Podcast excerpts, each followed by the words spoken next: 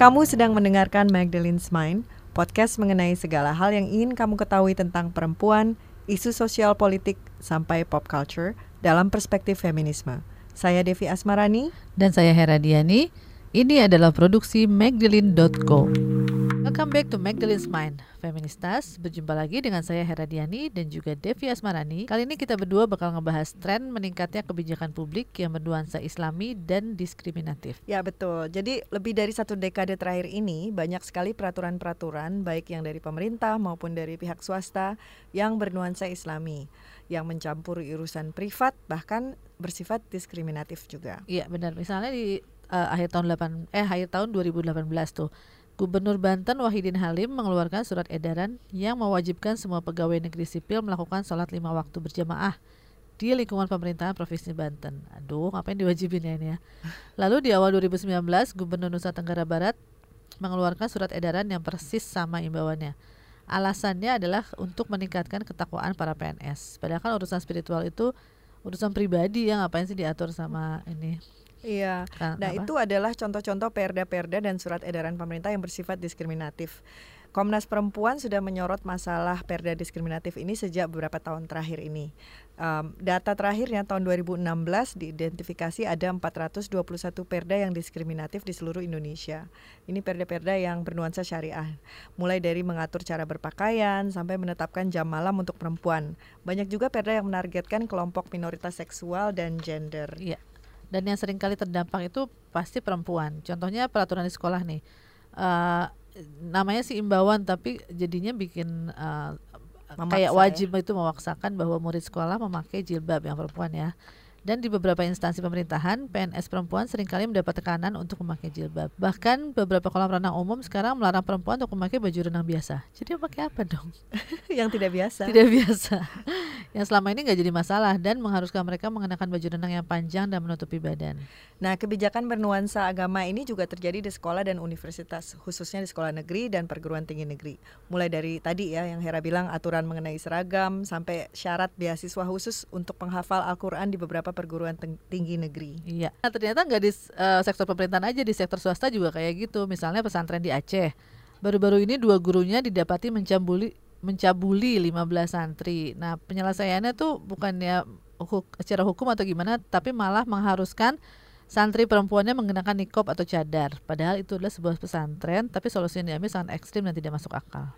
Nah, Makanya hari ini kita bakal ngobrol sama salah satu anggota dari Lembaga Ombudsman Republik Indonesia, namanya Mbak Dini Rahayu.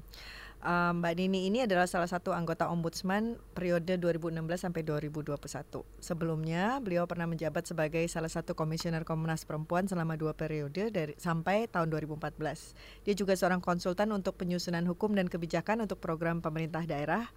Um, reformasi inisiatif dari Departemen Dalam Negeri dan uh, salah seorang sek, uh, uh, Sekjen Alimat. Beliau juga seorang Sekjen Alimat ya yang ya, kemarin bikin dan penggagas uh, salah satu penggagas uh, salah satu penggagas Kongres Ulama Perempuan Indonesia atau ya. KUPI. Iya. Oke, jangan ke mana-mana ya feministas. Setelah iklan kita bakal ngobrol dengan Mbak Nini. Halo semua, Memproduksi podcast yang berkualitas seperti Magdalene's Mind membutuhkan upaya yang gak sedikit dan dukungan dari semua. Untuk itu, kalau kamu pengen mendengar lebih banyak podcast yang menarik, informatif, dan membuka mata, kamu bisa berdonasi untuk Magdalene's Mind. Berapapun jumlahnya akan sangat kami hargai. Caranya bisa dilihat di Instagram at Magdalene ID di bagian stories highlight atau di Facebook Magdalene Indonesia dan di Twitter at the underscore Magdalene. Magdalene's Mind adalah produksi media independen magdalene.co.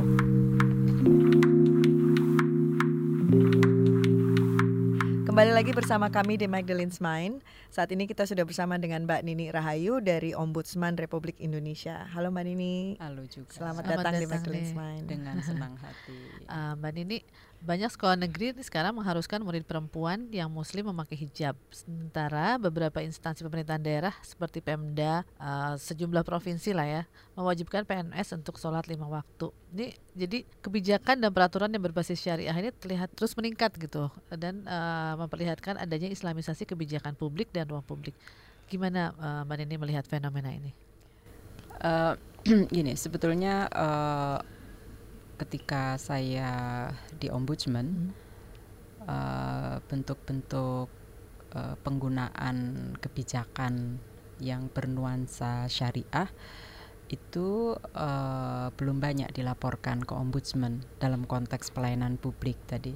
Mestinya kan eh, di wilayah-wilayah yang menjadi ruang publik itu kebijakannya juga mestinya berlaku untuk semua tanpa ada spesifik agama tertentu untuk uh, jenis kelamin tertentu, ras tertentu kan begitu sehingga dia betul-betul menjadi ruang publik yang uh, sama uh, uh, dijamin oleh negara begitu. Nah tapi memang belakangan uh, apa uh, penggunaan ruang-ruang publik dengan menggunakan kebijakan yang uh, spesifik itu uh, mulai muncul begitu. Laporan ini uh, setidaknya di tahun 2017 dan 2018 kami terima. Yang pertama itu kasus di sekolah uh, negeri uh, pertama SMP di Yogyakarta gitu. Lalu yang kedua uh, kasus uh, di Kuningan, Jawa Barat. Hmm. Oh, yang ketiga ada lagi satu lagi walaupun ya dua kasus ini hampir sama uh, uh, apa diskriminasinya dialami oleh warga Ahmadiyah meskipun pada konteks yang berbeda. Yang satu terkait dengan uh, izin perpanjangan hmm uh, tempat ibadah dan yang satu lagi terkait dengan keluarnya identitas uh, kartu identitas berupa e-KTP. Nah, hmm. tiga hal ini dilaporkan oleh masyarakat yang merasa dirugikan gitu. Misalnya yang contoh terkait berbusana gitu. Kenapa kami didiskriminasi karena pakaian yang saya lakukan begitu. Ini kan saya kebetulan saya beragama Islam tapi saya tidak menggunakan jilbab begitu. Hmm. Tapi kenapa kemudian saya diminta untuk berjilbab? Hmm. Lalu kami memandang terhadap kasus ini balik lagi ke yang tadi saya sampaikan. Ini kan sektor layanan publik, hmm. mestinya kemudian tidak ada apa namanya aturan atau penegakan aturan yang membuat seseorang merasa dipaksakan dalam konteks cara berbusana. Hmm. Lalu laporan ini kami tindak lanjuti dengan mengundang para pihak termasuk melihat aturan-aturannya sebetulnya seperti apa gitu. Nah, yang di kasus di Jogja ini memang agak bentuk diskriminasinya dilakukan dalam bentuk dua hal ya. Yang pertama, kebijakannya sendiri sebetulnya multitafsir ya. Hmm. Jadi aturan tentang pakaian itu diatur oleh perwali seragam sekolah itu. Hmm di mana di dalam salah satu pasalnya pasal 16 itu mengatakan sekolah boleh membuat seragam dengan ciri khas sekolah. Hmm. Hmm. Sorry, perwali itu peraturan wali, wali kota. kota. Wali kota. Jadi hmm. awalnya itu perwalinya memberi bunyi pasal begitu. Itu kan hmm. agak ya mungkin maksudnya sekolah pakaian khas sekolah itu kan bisa macam-macam. Yeah, mungkin yeah. pada hari tertentu yeah. pakai kebaya yeah, kek yeah, uh, atau pakai tradisional yeah, di wilayah yeah. itu apa saja Atau begitu yang gitu ya. uh, yang hmm. yang dan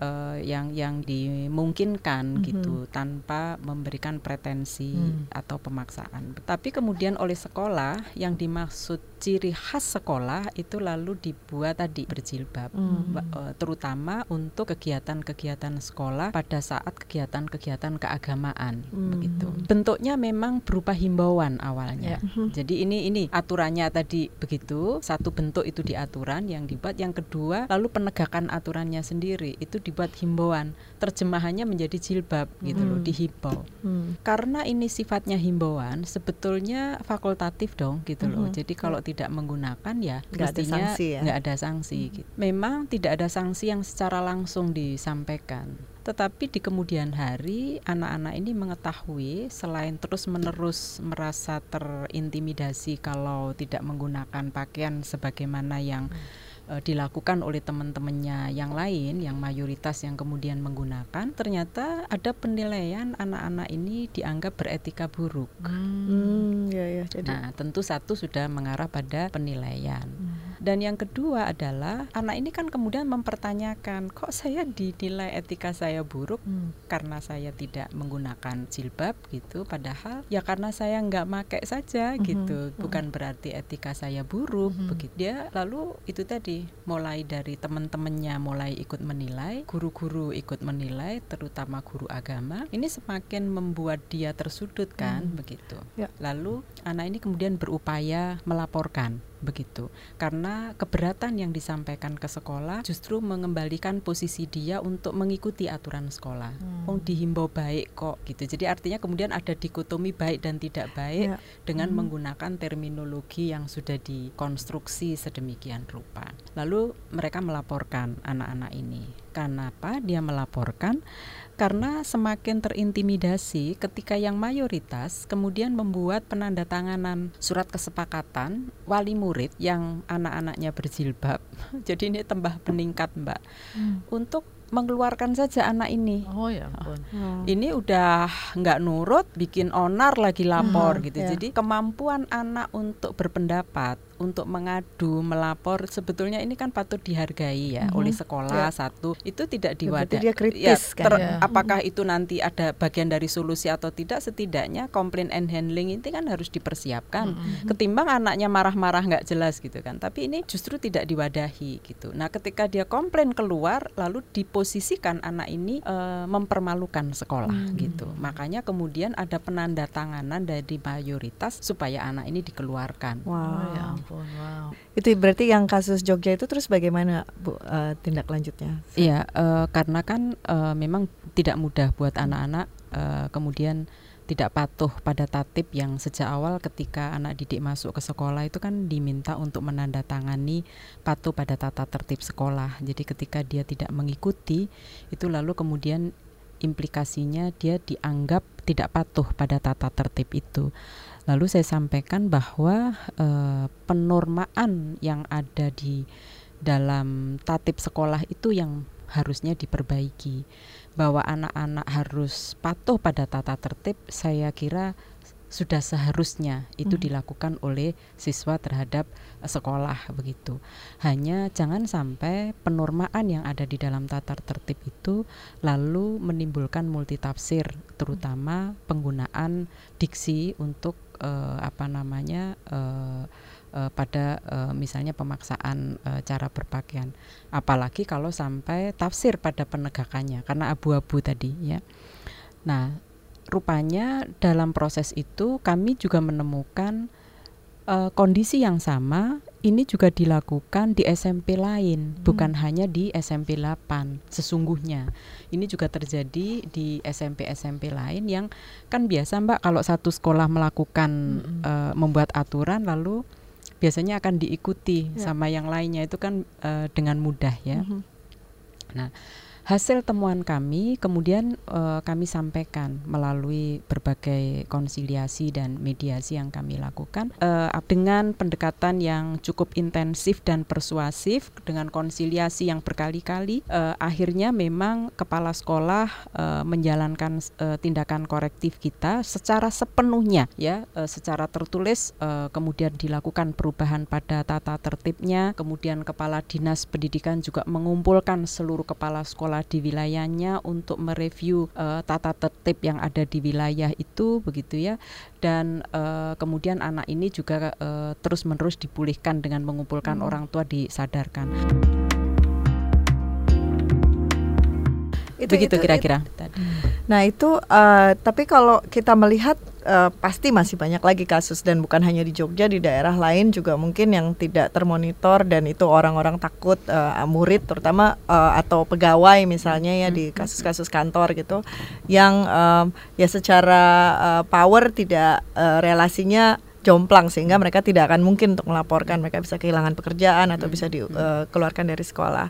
Nah sebenarnya Nah, jadi kalau dilihat kita lihat sebenarnya kan ini adalah suatu fenomena yang cukup luas ya Bu ya.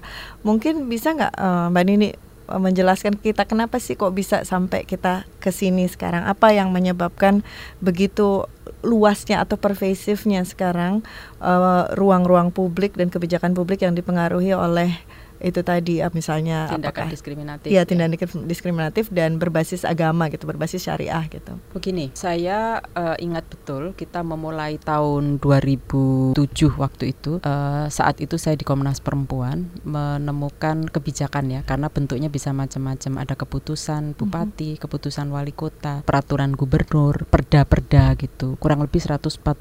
Pada saat itu uh, kami Komnas Perempuan sudah mengingatkan, ini ada yang aturan-aturan ini mulai tidak harmonis loh dengan uh, undang-undang dasar, dengan undang-undang yang ada di atasnya gitu. Karena sesungguhnya setiap orang harusnya uh, memiliki kebebasan uh, dalam menjalankan uh, keyakinannya begitu, termasuk dengan cara berpakaian. Karena kebijakan-kebijakan ini yang paling banyak disasar dan kemudian menjadi korban itu lebih banyak perempuan memang. Hmm.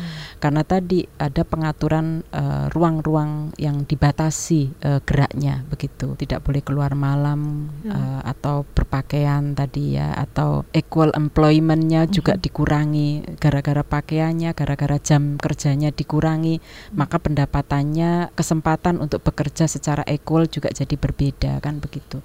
Yang seharusnya sama laki-laki dan perempuan bisa mobile 24 jam kalau dia mau, 8 jam dia mau, tapi karena ada jam-jam tertentu yang dibatasi, kemudian berbeda. Mm-hmm. Nah ini fenomena ini sebetulnya uh, apa tuh hal yang harus diakui sampai sekarang pemerintah itu belum memiliki uh, database gitu. Mm. Uh, pemerintah itu fakta diskriminasinya sudah meluas ya. Fakta diskriminasinya sudah meluas dengan uh, apa namanya berbasis aturan-aturan yang bernuansa uh, keagamaan tertentu ya gitu. Ketimpangannya nampak gitu. Ketimpangannya nampak, kerentanan kelompok minoritas kelihatan gitu. Terutama eh, pelayanan-pelayanan ini sangat lebih dirasakan lagi kalau misalnya keberadaan mereka di wilayah terpencil atau pulau terluar. Hmm. Pelayanan publiknya sudah minim, ditambah dengan kerentanan spesifik lebih minim lagi akhirnya. Ditambah lagi sebetulnya kebijakan-kebijakan yang tidak harmonis ini sekarang dengan adanya otonomi daerah gitu lalu tidak lagi diperkenankannya pemerintah untuk mencabut peraturan-peraturan ini setelah di hmm. uh, dibatalkan oleh Mahkamah Konstitusi setelah hmm. DJR itu semakin mempersubur jumlah peraturan-peraturan ini. Hmm. Jadi kenapa semakin banyak peraturannya nggak bisa dicabut, produksinya semakin uh, banyak gitu karena hmm. ada 34 provinsi, 550 hmm. kabupaten. Yeah yang semua punya kewenangan membuat begitu. Uh, lalu cara mencabutnya tidak mudah, bahkan hmm. presiden pun tidak boleh melakukan pencabutan. Hmm. Ditambah pemahaman kita terhadap konstitusi dan hmm. negara kesatuan Republik Indonesia yang sudah kita sepakati bahwa kita negara yang pluralis begitu, hmm. harus hidup dengan berbagai macam agama itu yang kemudian masih terus-menerus uh, belum secara sistematis dilakukan. Hmm ini uh, kalau tidak ditanggulangi uh, juga menjadi uh, pemicu semakin memperpanjang uh, dimensi hmm. diskriminatif dan kehidupan tidak toleran ini. Hmm.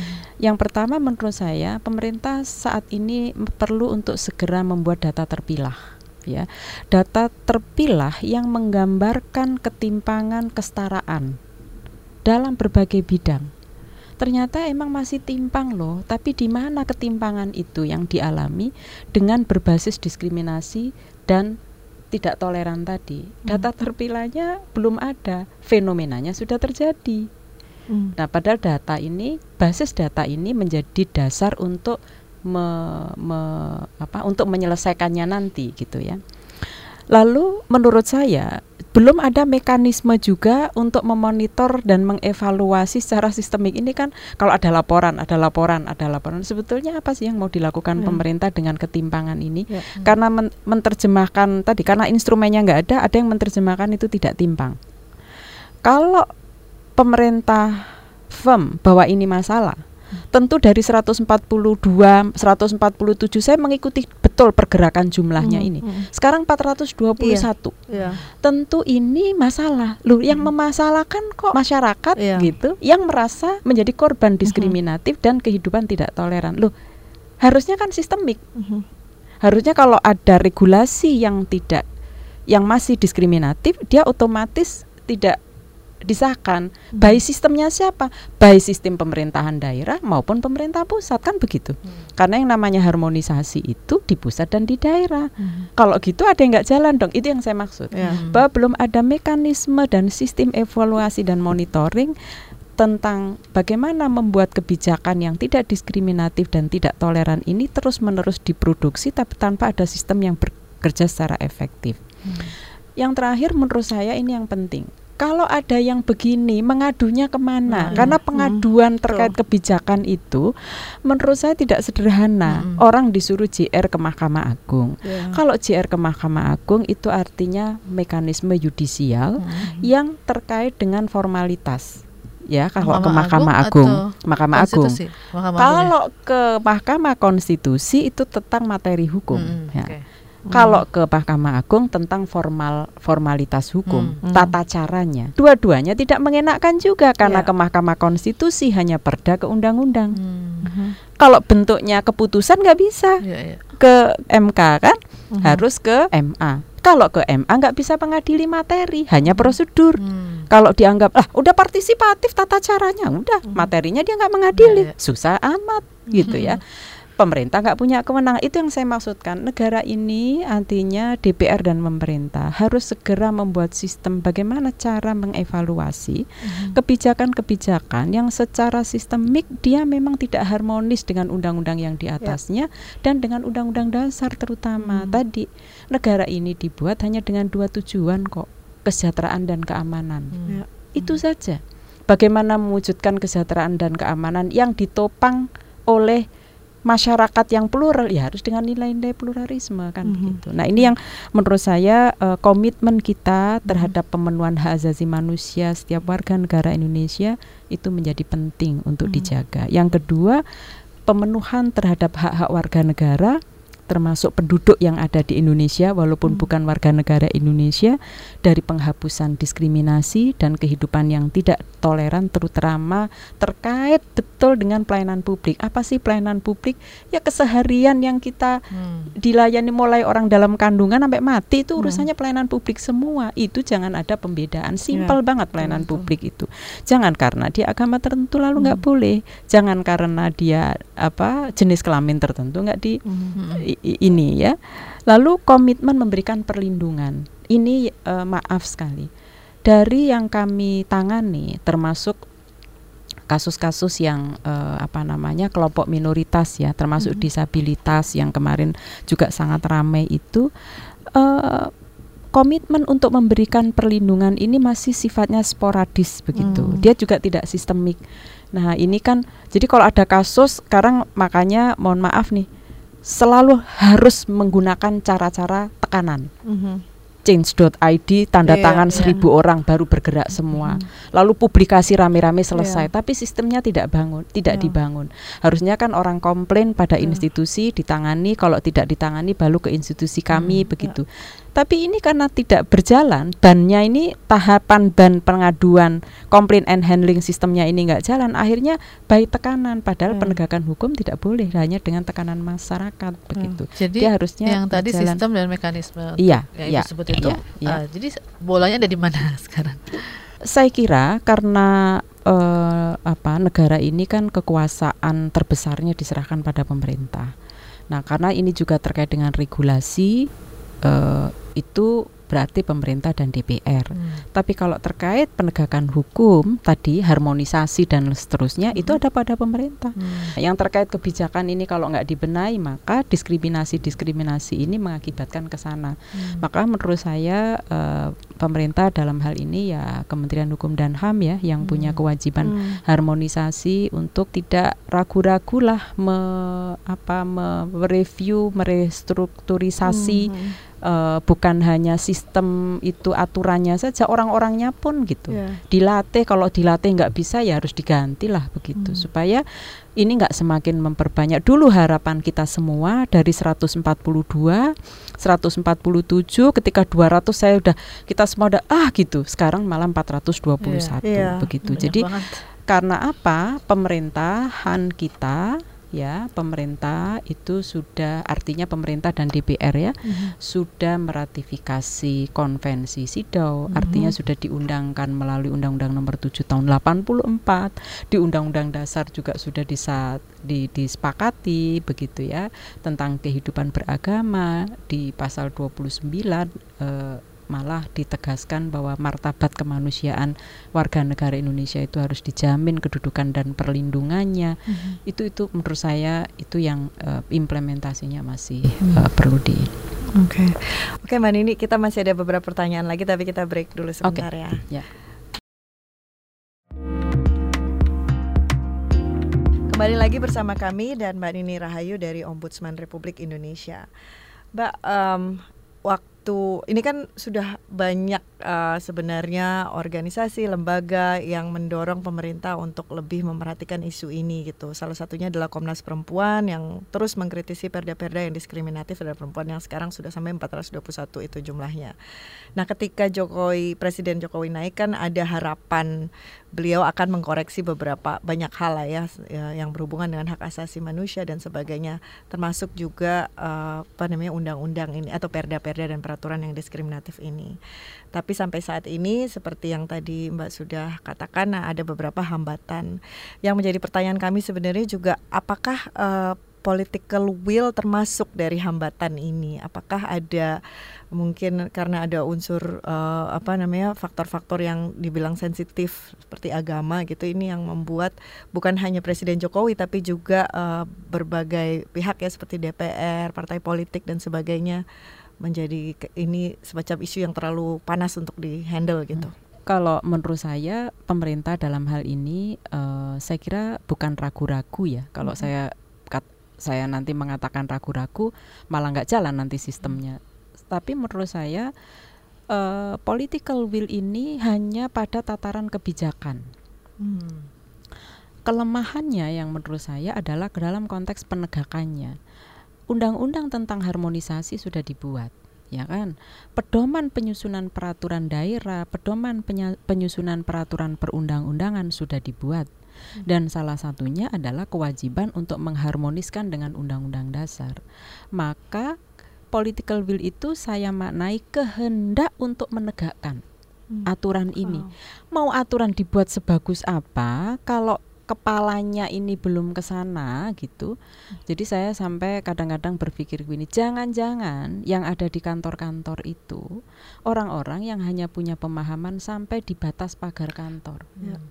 Keluar dari pagar kantor dia punya tafsir yang berbeda-beda. Nah, Hmm. ini saya kira tugas menteri masing-masing kementerian lembaga terutama yang membidaki hukum dan HAM dan menteri aparatur negara penting untuk menjaga ini aparatur sipil negara dan aparatur negara dia harus orang-orang yang paham pada konstitusi menjaga betul konstitusi sebab kalau dia enggak ya tadi dia cuma bekerja doang Ya. sampai di pagar dia Ya. ya karena menurut saya sampai hari ini aturannya sih sudah cukup Hmm. penegakannya ini loh Ya, apa ya, ya. sih nah komitmen terhadap pengaturan itu Mhm. bukan hanya pada aturannya dibuat tapi yang jauh lebih penting seperti yang tadi saya katakan eh, political will untuk eh, mem- menegakkan aturan itu yang yang ini nah tentu dalam hal ini komandonya itu ada di masing-masing kementerian lembaga Ya. karena tidak bisa semua dihandle presiden ya Mhm. presiden kan punya pembantu Hmm. Nah, yang membantu ini yang harus memastikan itu berjalan dan jangan ragu-ragu. Sepanjang ini lagi, jangan dipolitisasi.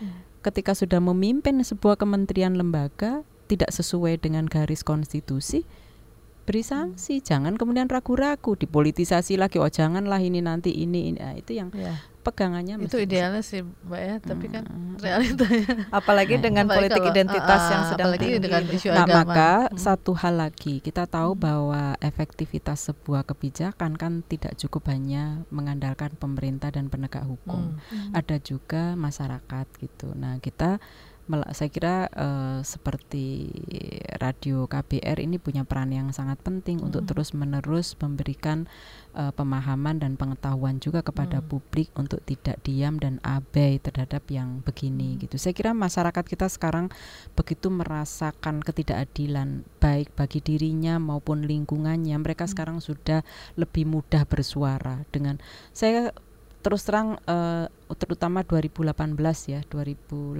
dan 2019 ini kita bisa melihat fenomena betapa uh, semua regulasi dan segala macam mekanisme yang ada itu bisa diruntuhkan dengan eh, kerja-kerja uh, yang dukungan pakai apa ini pakai uh, sosial media. Ya, uh, luar biasa. Sosial media bahkan bisa menggantikan sistem yang uh-huh. sebetulnya sudah established ini uh-huh. juga fenomena yang harus kita perhatikan. Kalau uh-huh. backfire uh-huh. padahal nanti yang ternyata negatif itu yang harus kita jaga. Uh-huh. itu. Makanya civil society penting untuk terus menerus dilakukan edukasi uh, melalui media-media karena uh, untuk membangun pengetahuan bersama.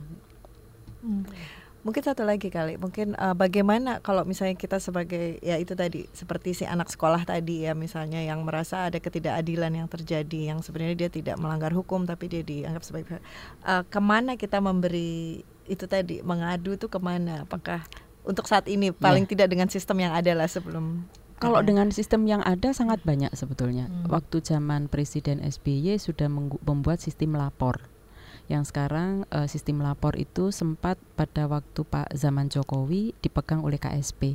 Hmm. Sekarang sudah dipegang oleh Kemenpan hmm. KSP sistem oh. lapor dan sistem lapor ini juga uh, kemudian uh, sekarang terintegrasi dengan ombudsman. Nah, ombudsman sendiri juga mendorong ada standar layanan di kementerian lembaga. Salah satu indikator standar layanan adalah mereka membuat complaint and handling system. Nah, tinggal dicek tuh oleh pemerintah, kampus-kampus ada nggak komplain handling sistemnya. Sekolah-sekolah punya nggak gitu karena belum semuanya terpenuhi. Kalau mereka melapor tapi tidak ditangani, jangan ragu-ragu untuk lapor ke ombudsman. Hmm. Gitu karena tadi KSP apa? uh, kepala staf kepresidenan. Okay. Nah, ya jadi uh, tapi sekarang sudah di Kemenpan ya sistem hmm. lapor itu.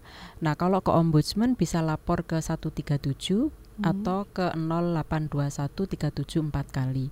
Bisa juga di website, Twitter, kemudian di apa uh, Instagram, di Jadi email sebenarnya ke kita. bisa langsung ke ombudsman juga ya. Tapi setelah lapor ke institusi oh, terkait okay. karena oh. tadi ombudsman tidak hanya menyelesaikan masalahnya tapi memperbaiki sistem yang ada di oh. kam, ke di institusinya. Itulah hmm. kenapa maka terlapor dan atasan terlapor harus menerima pengaduan terlebih dahulu. Hmm. Kita beri kesempatan mereka untuk menyelesaikan. Hmm. Tapi kalau tidak direspon atau tidak diselesaikan kemudian hmm. baru lapor ke Tapi kami. ini uh, hanya eh, hal-hal uh, yang berhubungan uh, dengan uh, kepemerintahan ya lingkungan kepemerintahan Jadi BUMN. ombudsman itu hmm. kewenangannya terkait pelayanan publik yang dilakukan oleh pemerintah, hmm. BUMN, BUMD, swasta yang sedikit atau banyak menggunakan dana negara. Oh, Jadi LSM pun tapi kalau dia pakai uang negara ya kita bisa. bisa. Oh, ya, ya, ya. Okay. Nah, kalau nanti ada swasta murni misalnya mm-hmm. melakukan kesalahan, nggak apa-apa juga dilaporkan. Mm. Yang kita tindak lanjuti adalah meminta kementerian yang membawai ini, yang mengeluarkan izin ini untuk hmm. uh, menghandle. Oke oke oke. Jadi nah. bisa tetap di refer. Di refer, ya. ya. Oke menarik okay. nih. Mudah-mudahan sih orang-orang bisa lebih kritis ya. Uh, yeah. Karena yang yeah. dibutuhkan memang orang-orang yang berani untuk melawan, yeah, untuk pushing dan back gitu. Ya. Karena ya. begini, kalau orang Jawa bilang itu kayak cokro menggilingan, Mbak kasus diskriminasi dan tidak toleran. Itu artinya apa tuh? Dia muter. Oh. Ada kala dia hilang gitu, tiba-tiba dia muncul lagi. Saya juga nggak tahu siapa yang memunculkan begitu. Oh. Muncul lagi, hilang lagi. Seperti hari ini kita semua mendengar ada razia lagi pada perempuan-perempuan oh, yang naik sepeda motor ngakang. Oh, uh, di, di Aceh. Aceh. Oh, Peristiwa iya, itu iya. tahun 2008. Iya, iya, Sekarang muncul lagi. Iya. Itu apa gitu loh tiba-tiba yeah. muncul lagi kemudian padahal waktu itu saya sampaikan saya juga sering kali menggunakan jasa sepeda motor Hmm, umum gitu ya hmm. yang ada di masyarakat gitu kalau kita eh, keluar gitulah kalau duduknya begini tuh sakit Dan tidak pinggang. aman juga. Iya. juga sakit mbak Iya. pinggang coba aja Iya. kalau setengah apa seperempat jam aja sakit Iya. pinggang gitu jadi maksud saya tidak mempertimbangkan eh, apa ketika Keamanan. Kenyamanan lebih pada keseksis tuh Iya. Iya. Tempo hari juga dibesar-besarkan eh, ada satu salah satu pemerintahan di luar gitu yang diberi apa sanksi karena tidak bisa menjalankan tugas dengan diberi pakaian wanita gitu jadi seakan-akan Oh, pakaian wow. wanita itu eh, Sesuatu apa, yang eh, eh, lemah yang gitu yang ya. lemah gitu jadi gitu ya. dan itu tadi yang saya bilang backfire juga Iya, media sosial kalau tidak hati-hati itu Hmm. disebar seakan-akan betul. seba- sebagai sebuah kebenaran Iya, iya, iya. kita ngajarin eh, diskriminasi gender rentan karena diskriminasi gender tiba-tiba gambar Ya. itu luas nah tadi makanya memang eh, mesti Oke. Ya. Lengkap banget Ibu, makasih. Sama-sama saya juga cuma- senang sayang waktunya udah Ya. eh, habis. Makasih Mbak Nining sudah hadir Sama-sama. di eh, acara Magdalene Smine. Jangan lupa Feministas, dua minggu lagi kita bakal ngeluarin part ketiga episode bonus dari berbagi cerita beragama. Kali ini ceritanya dari Liguina Hananto. Ditunggu ya. Bye.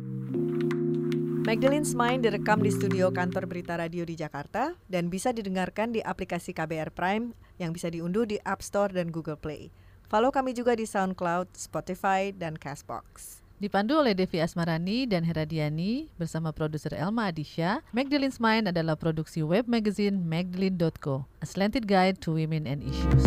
We aim to engage, not alienate.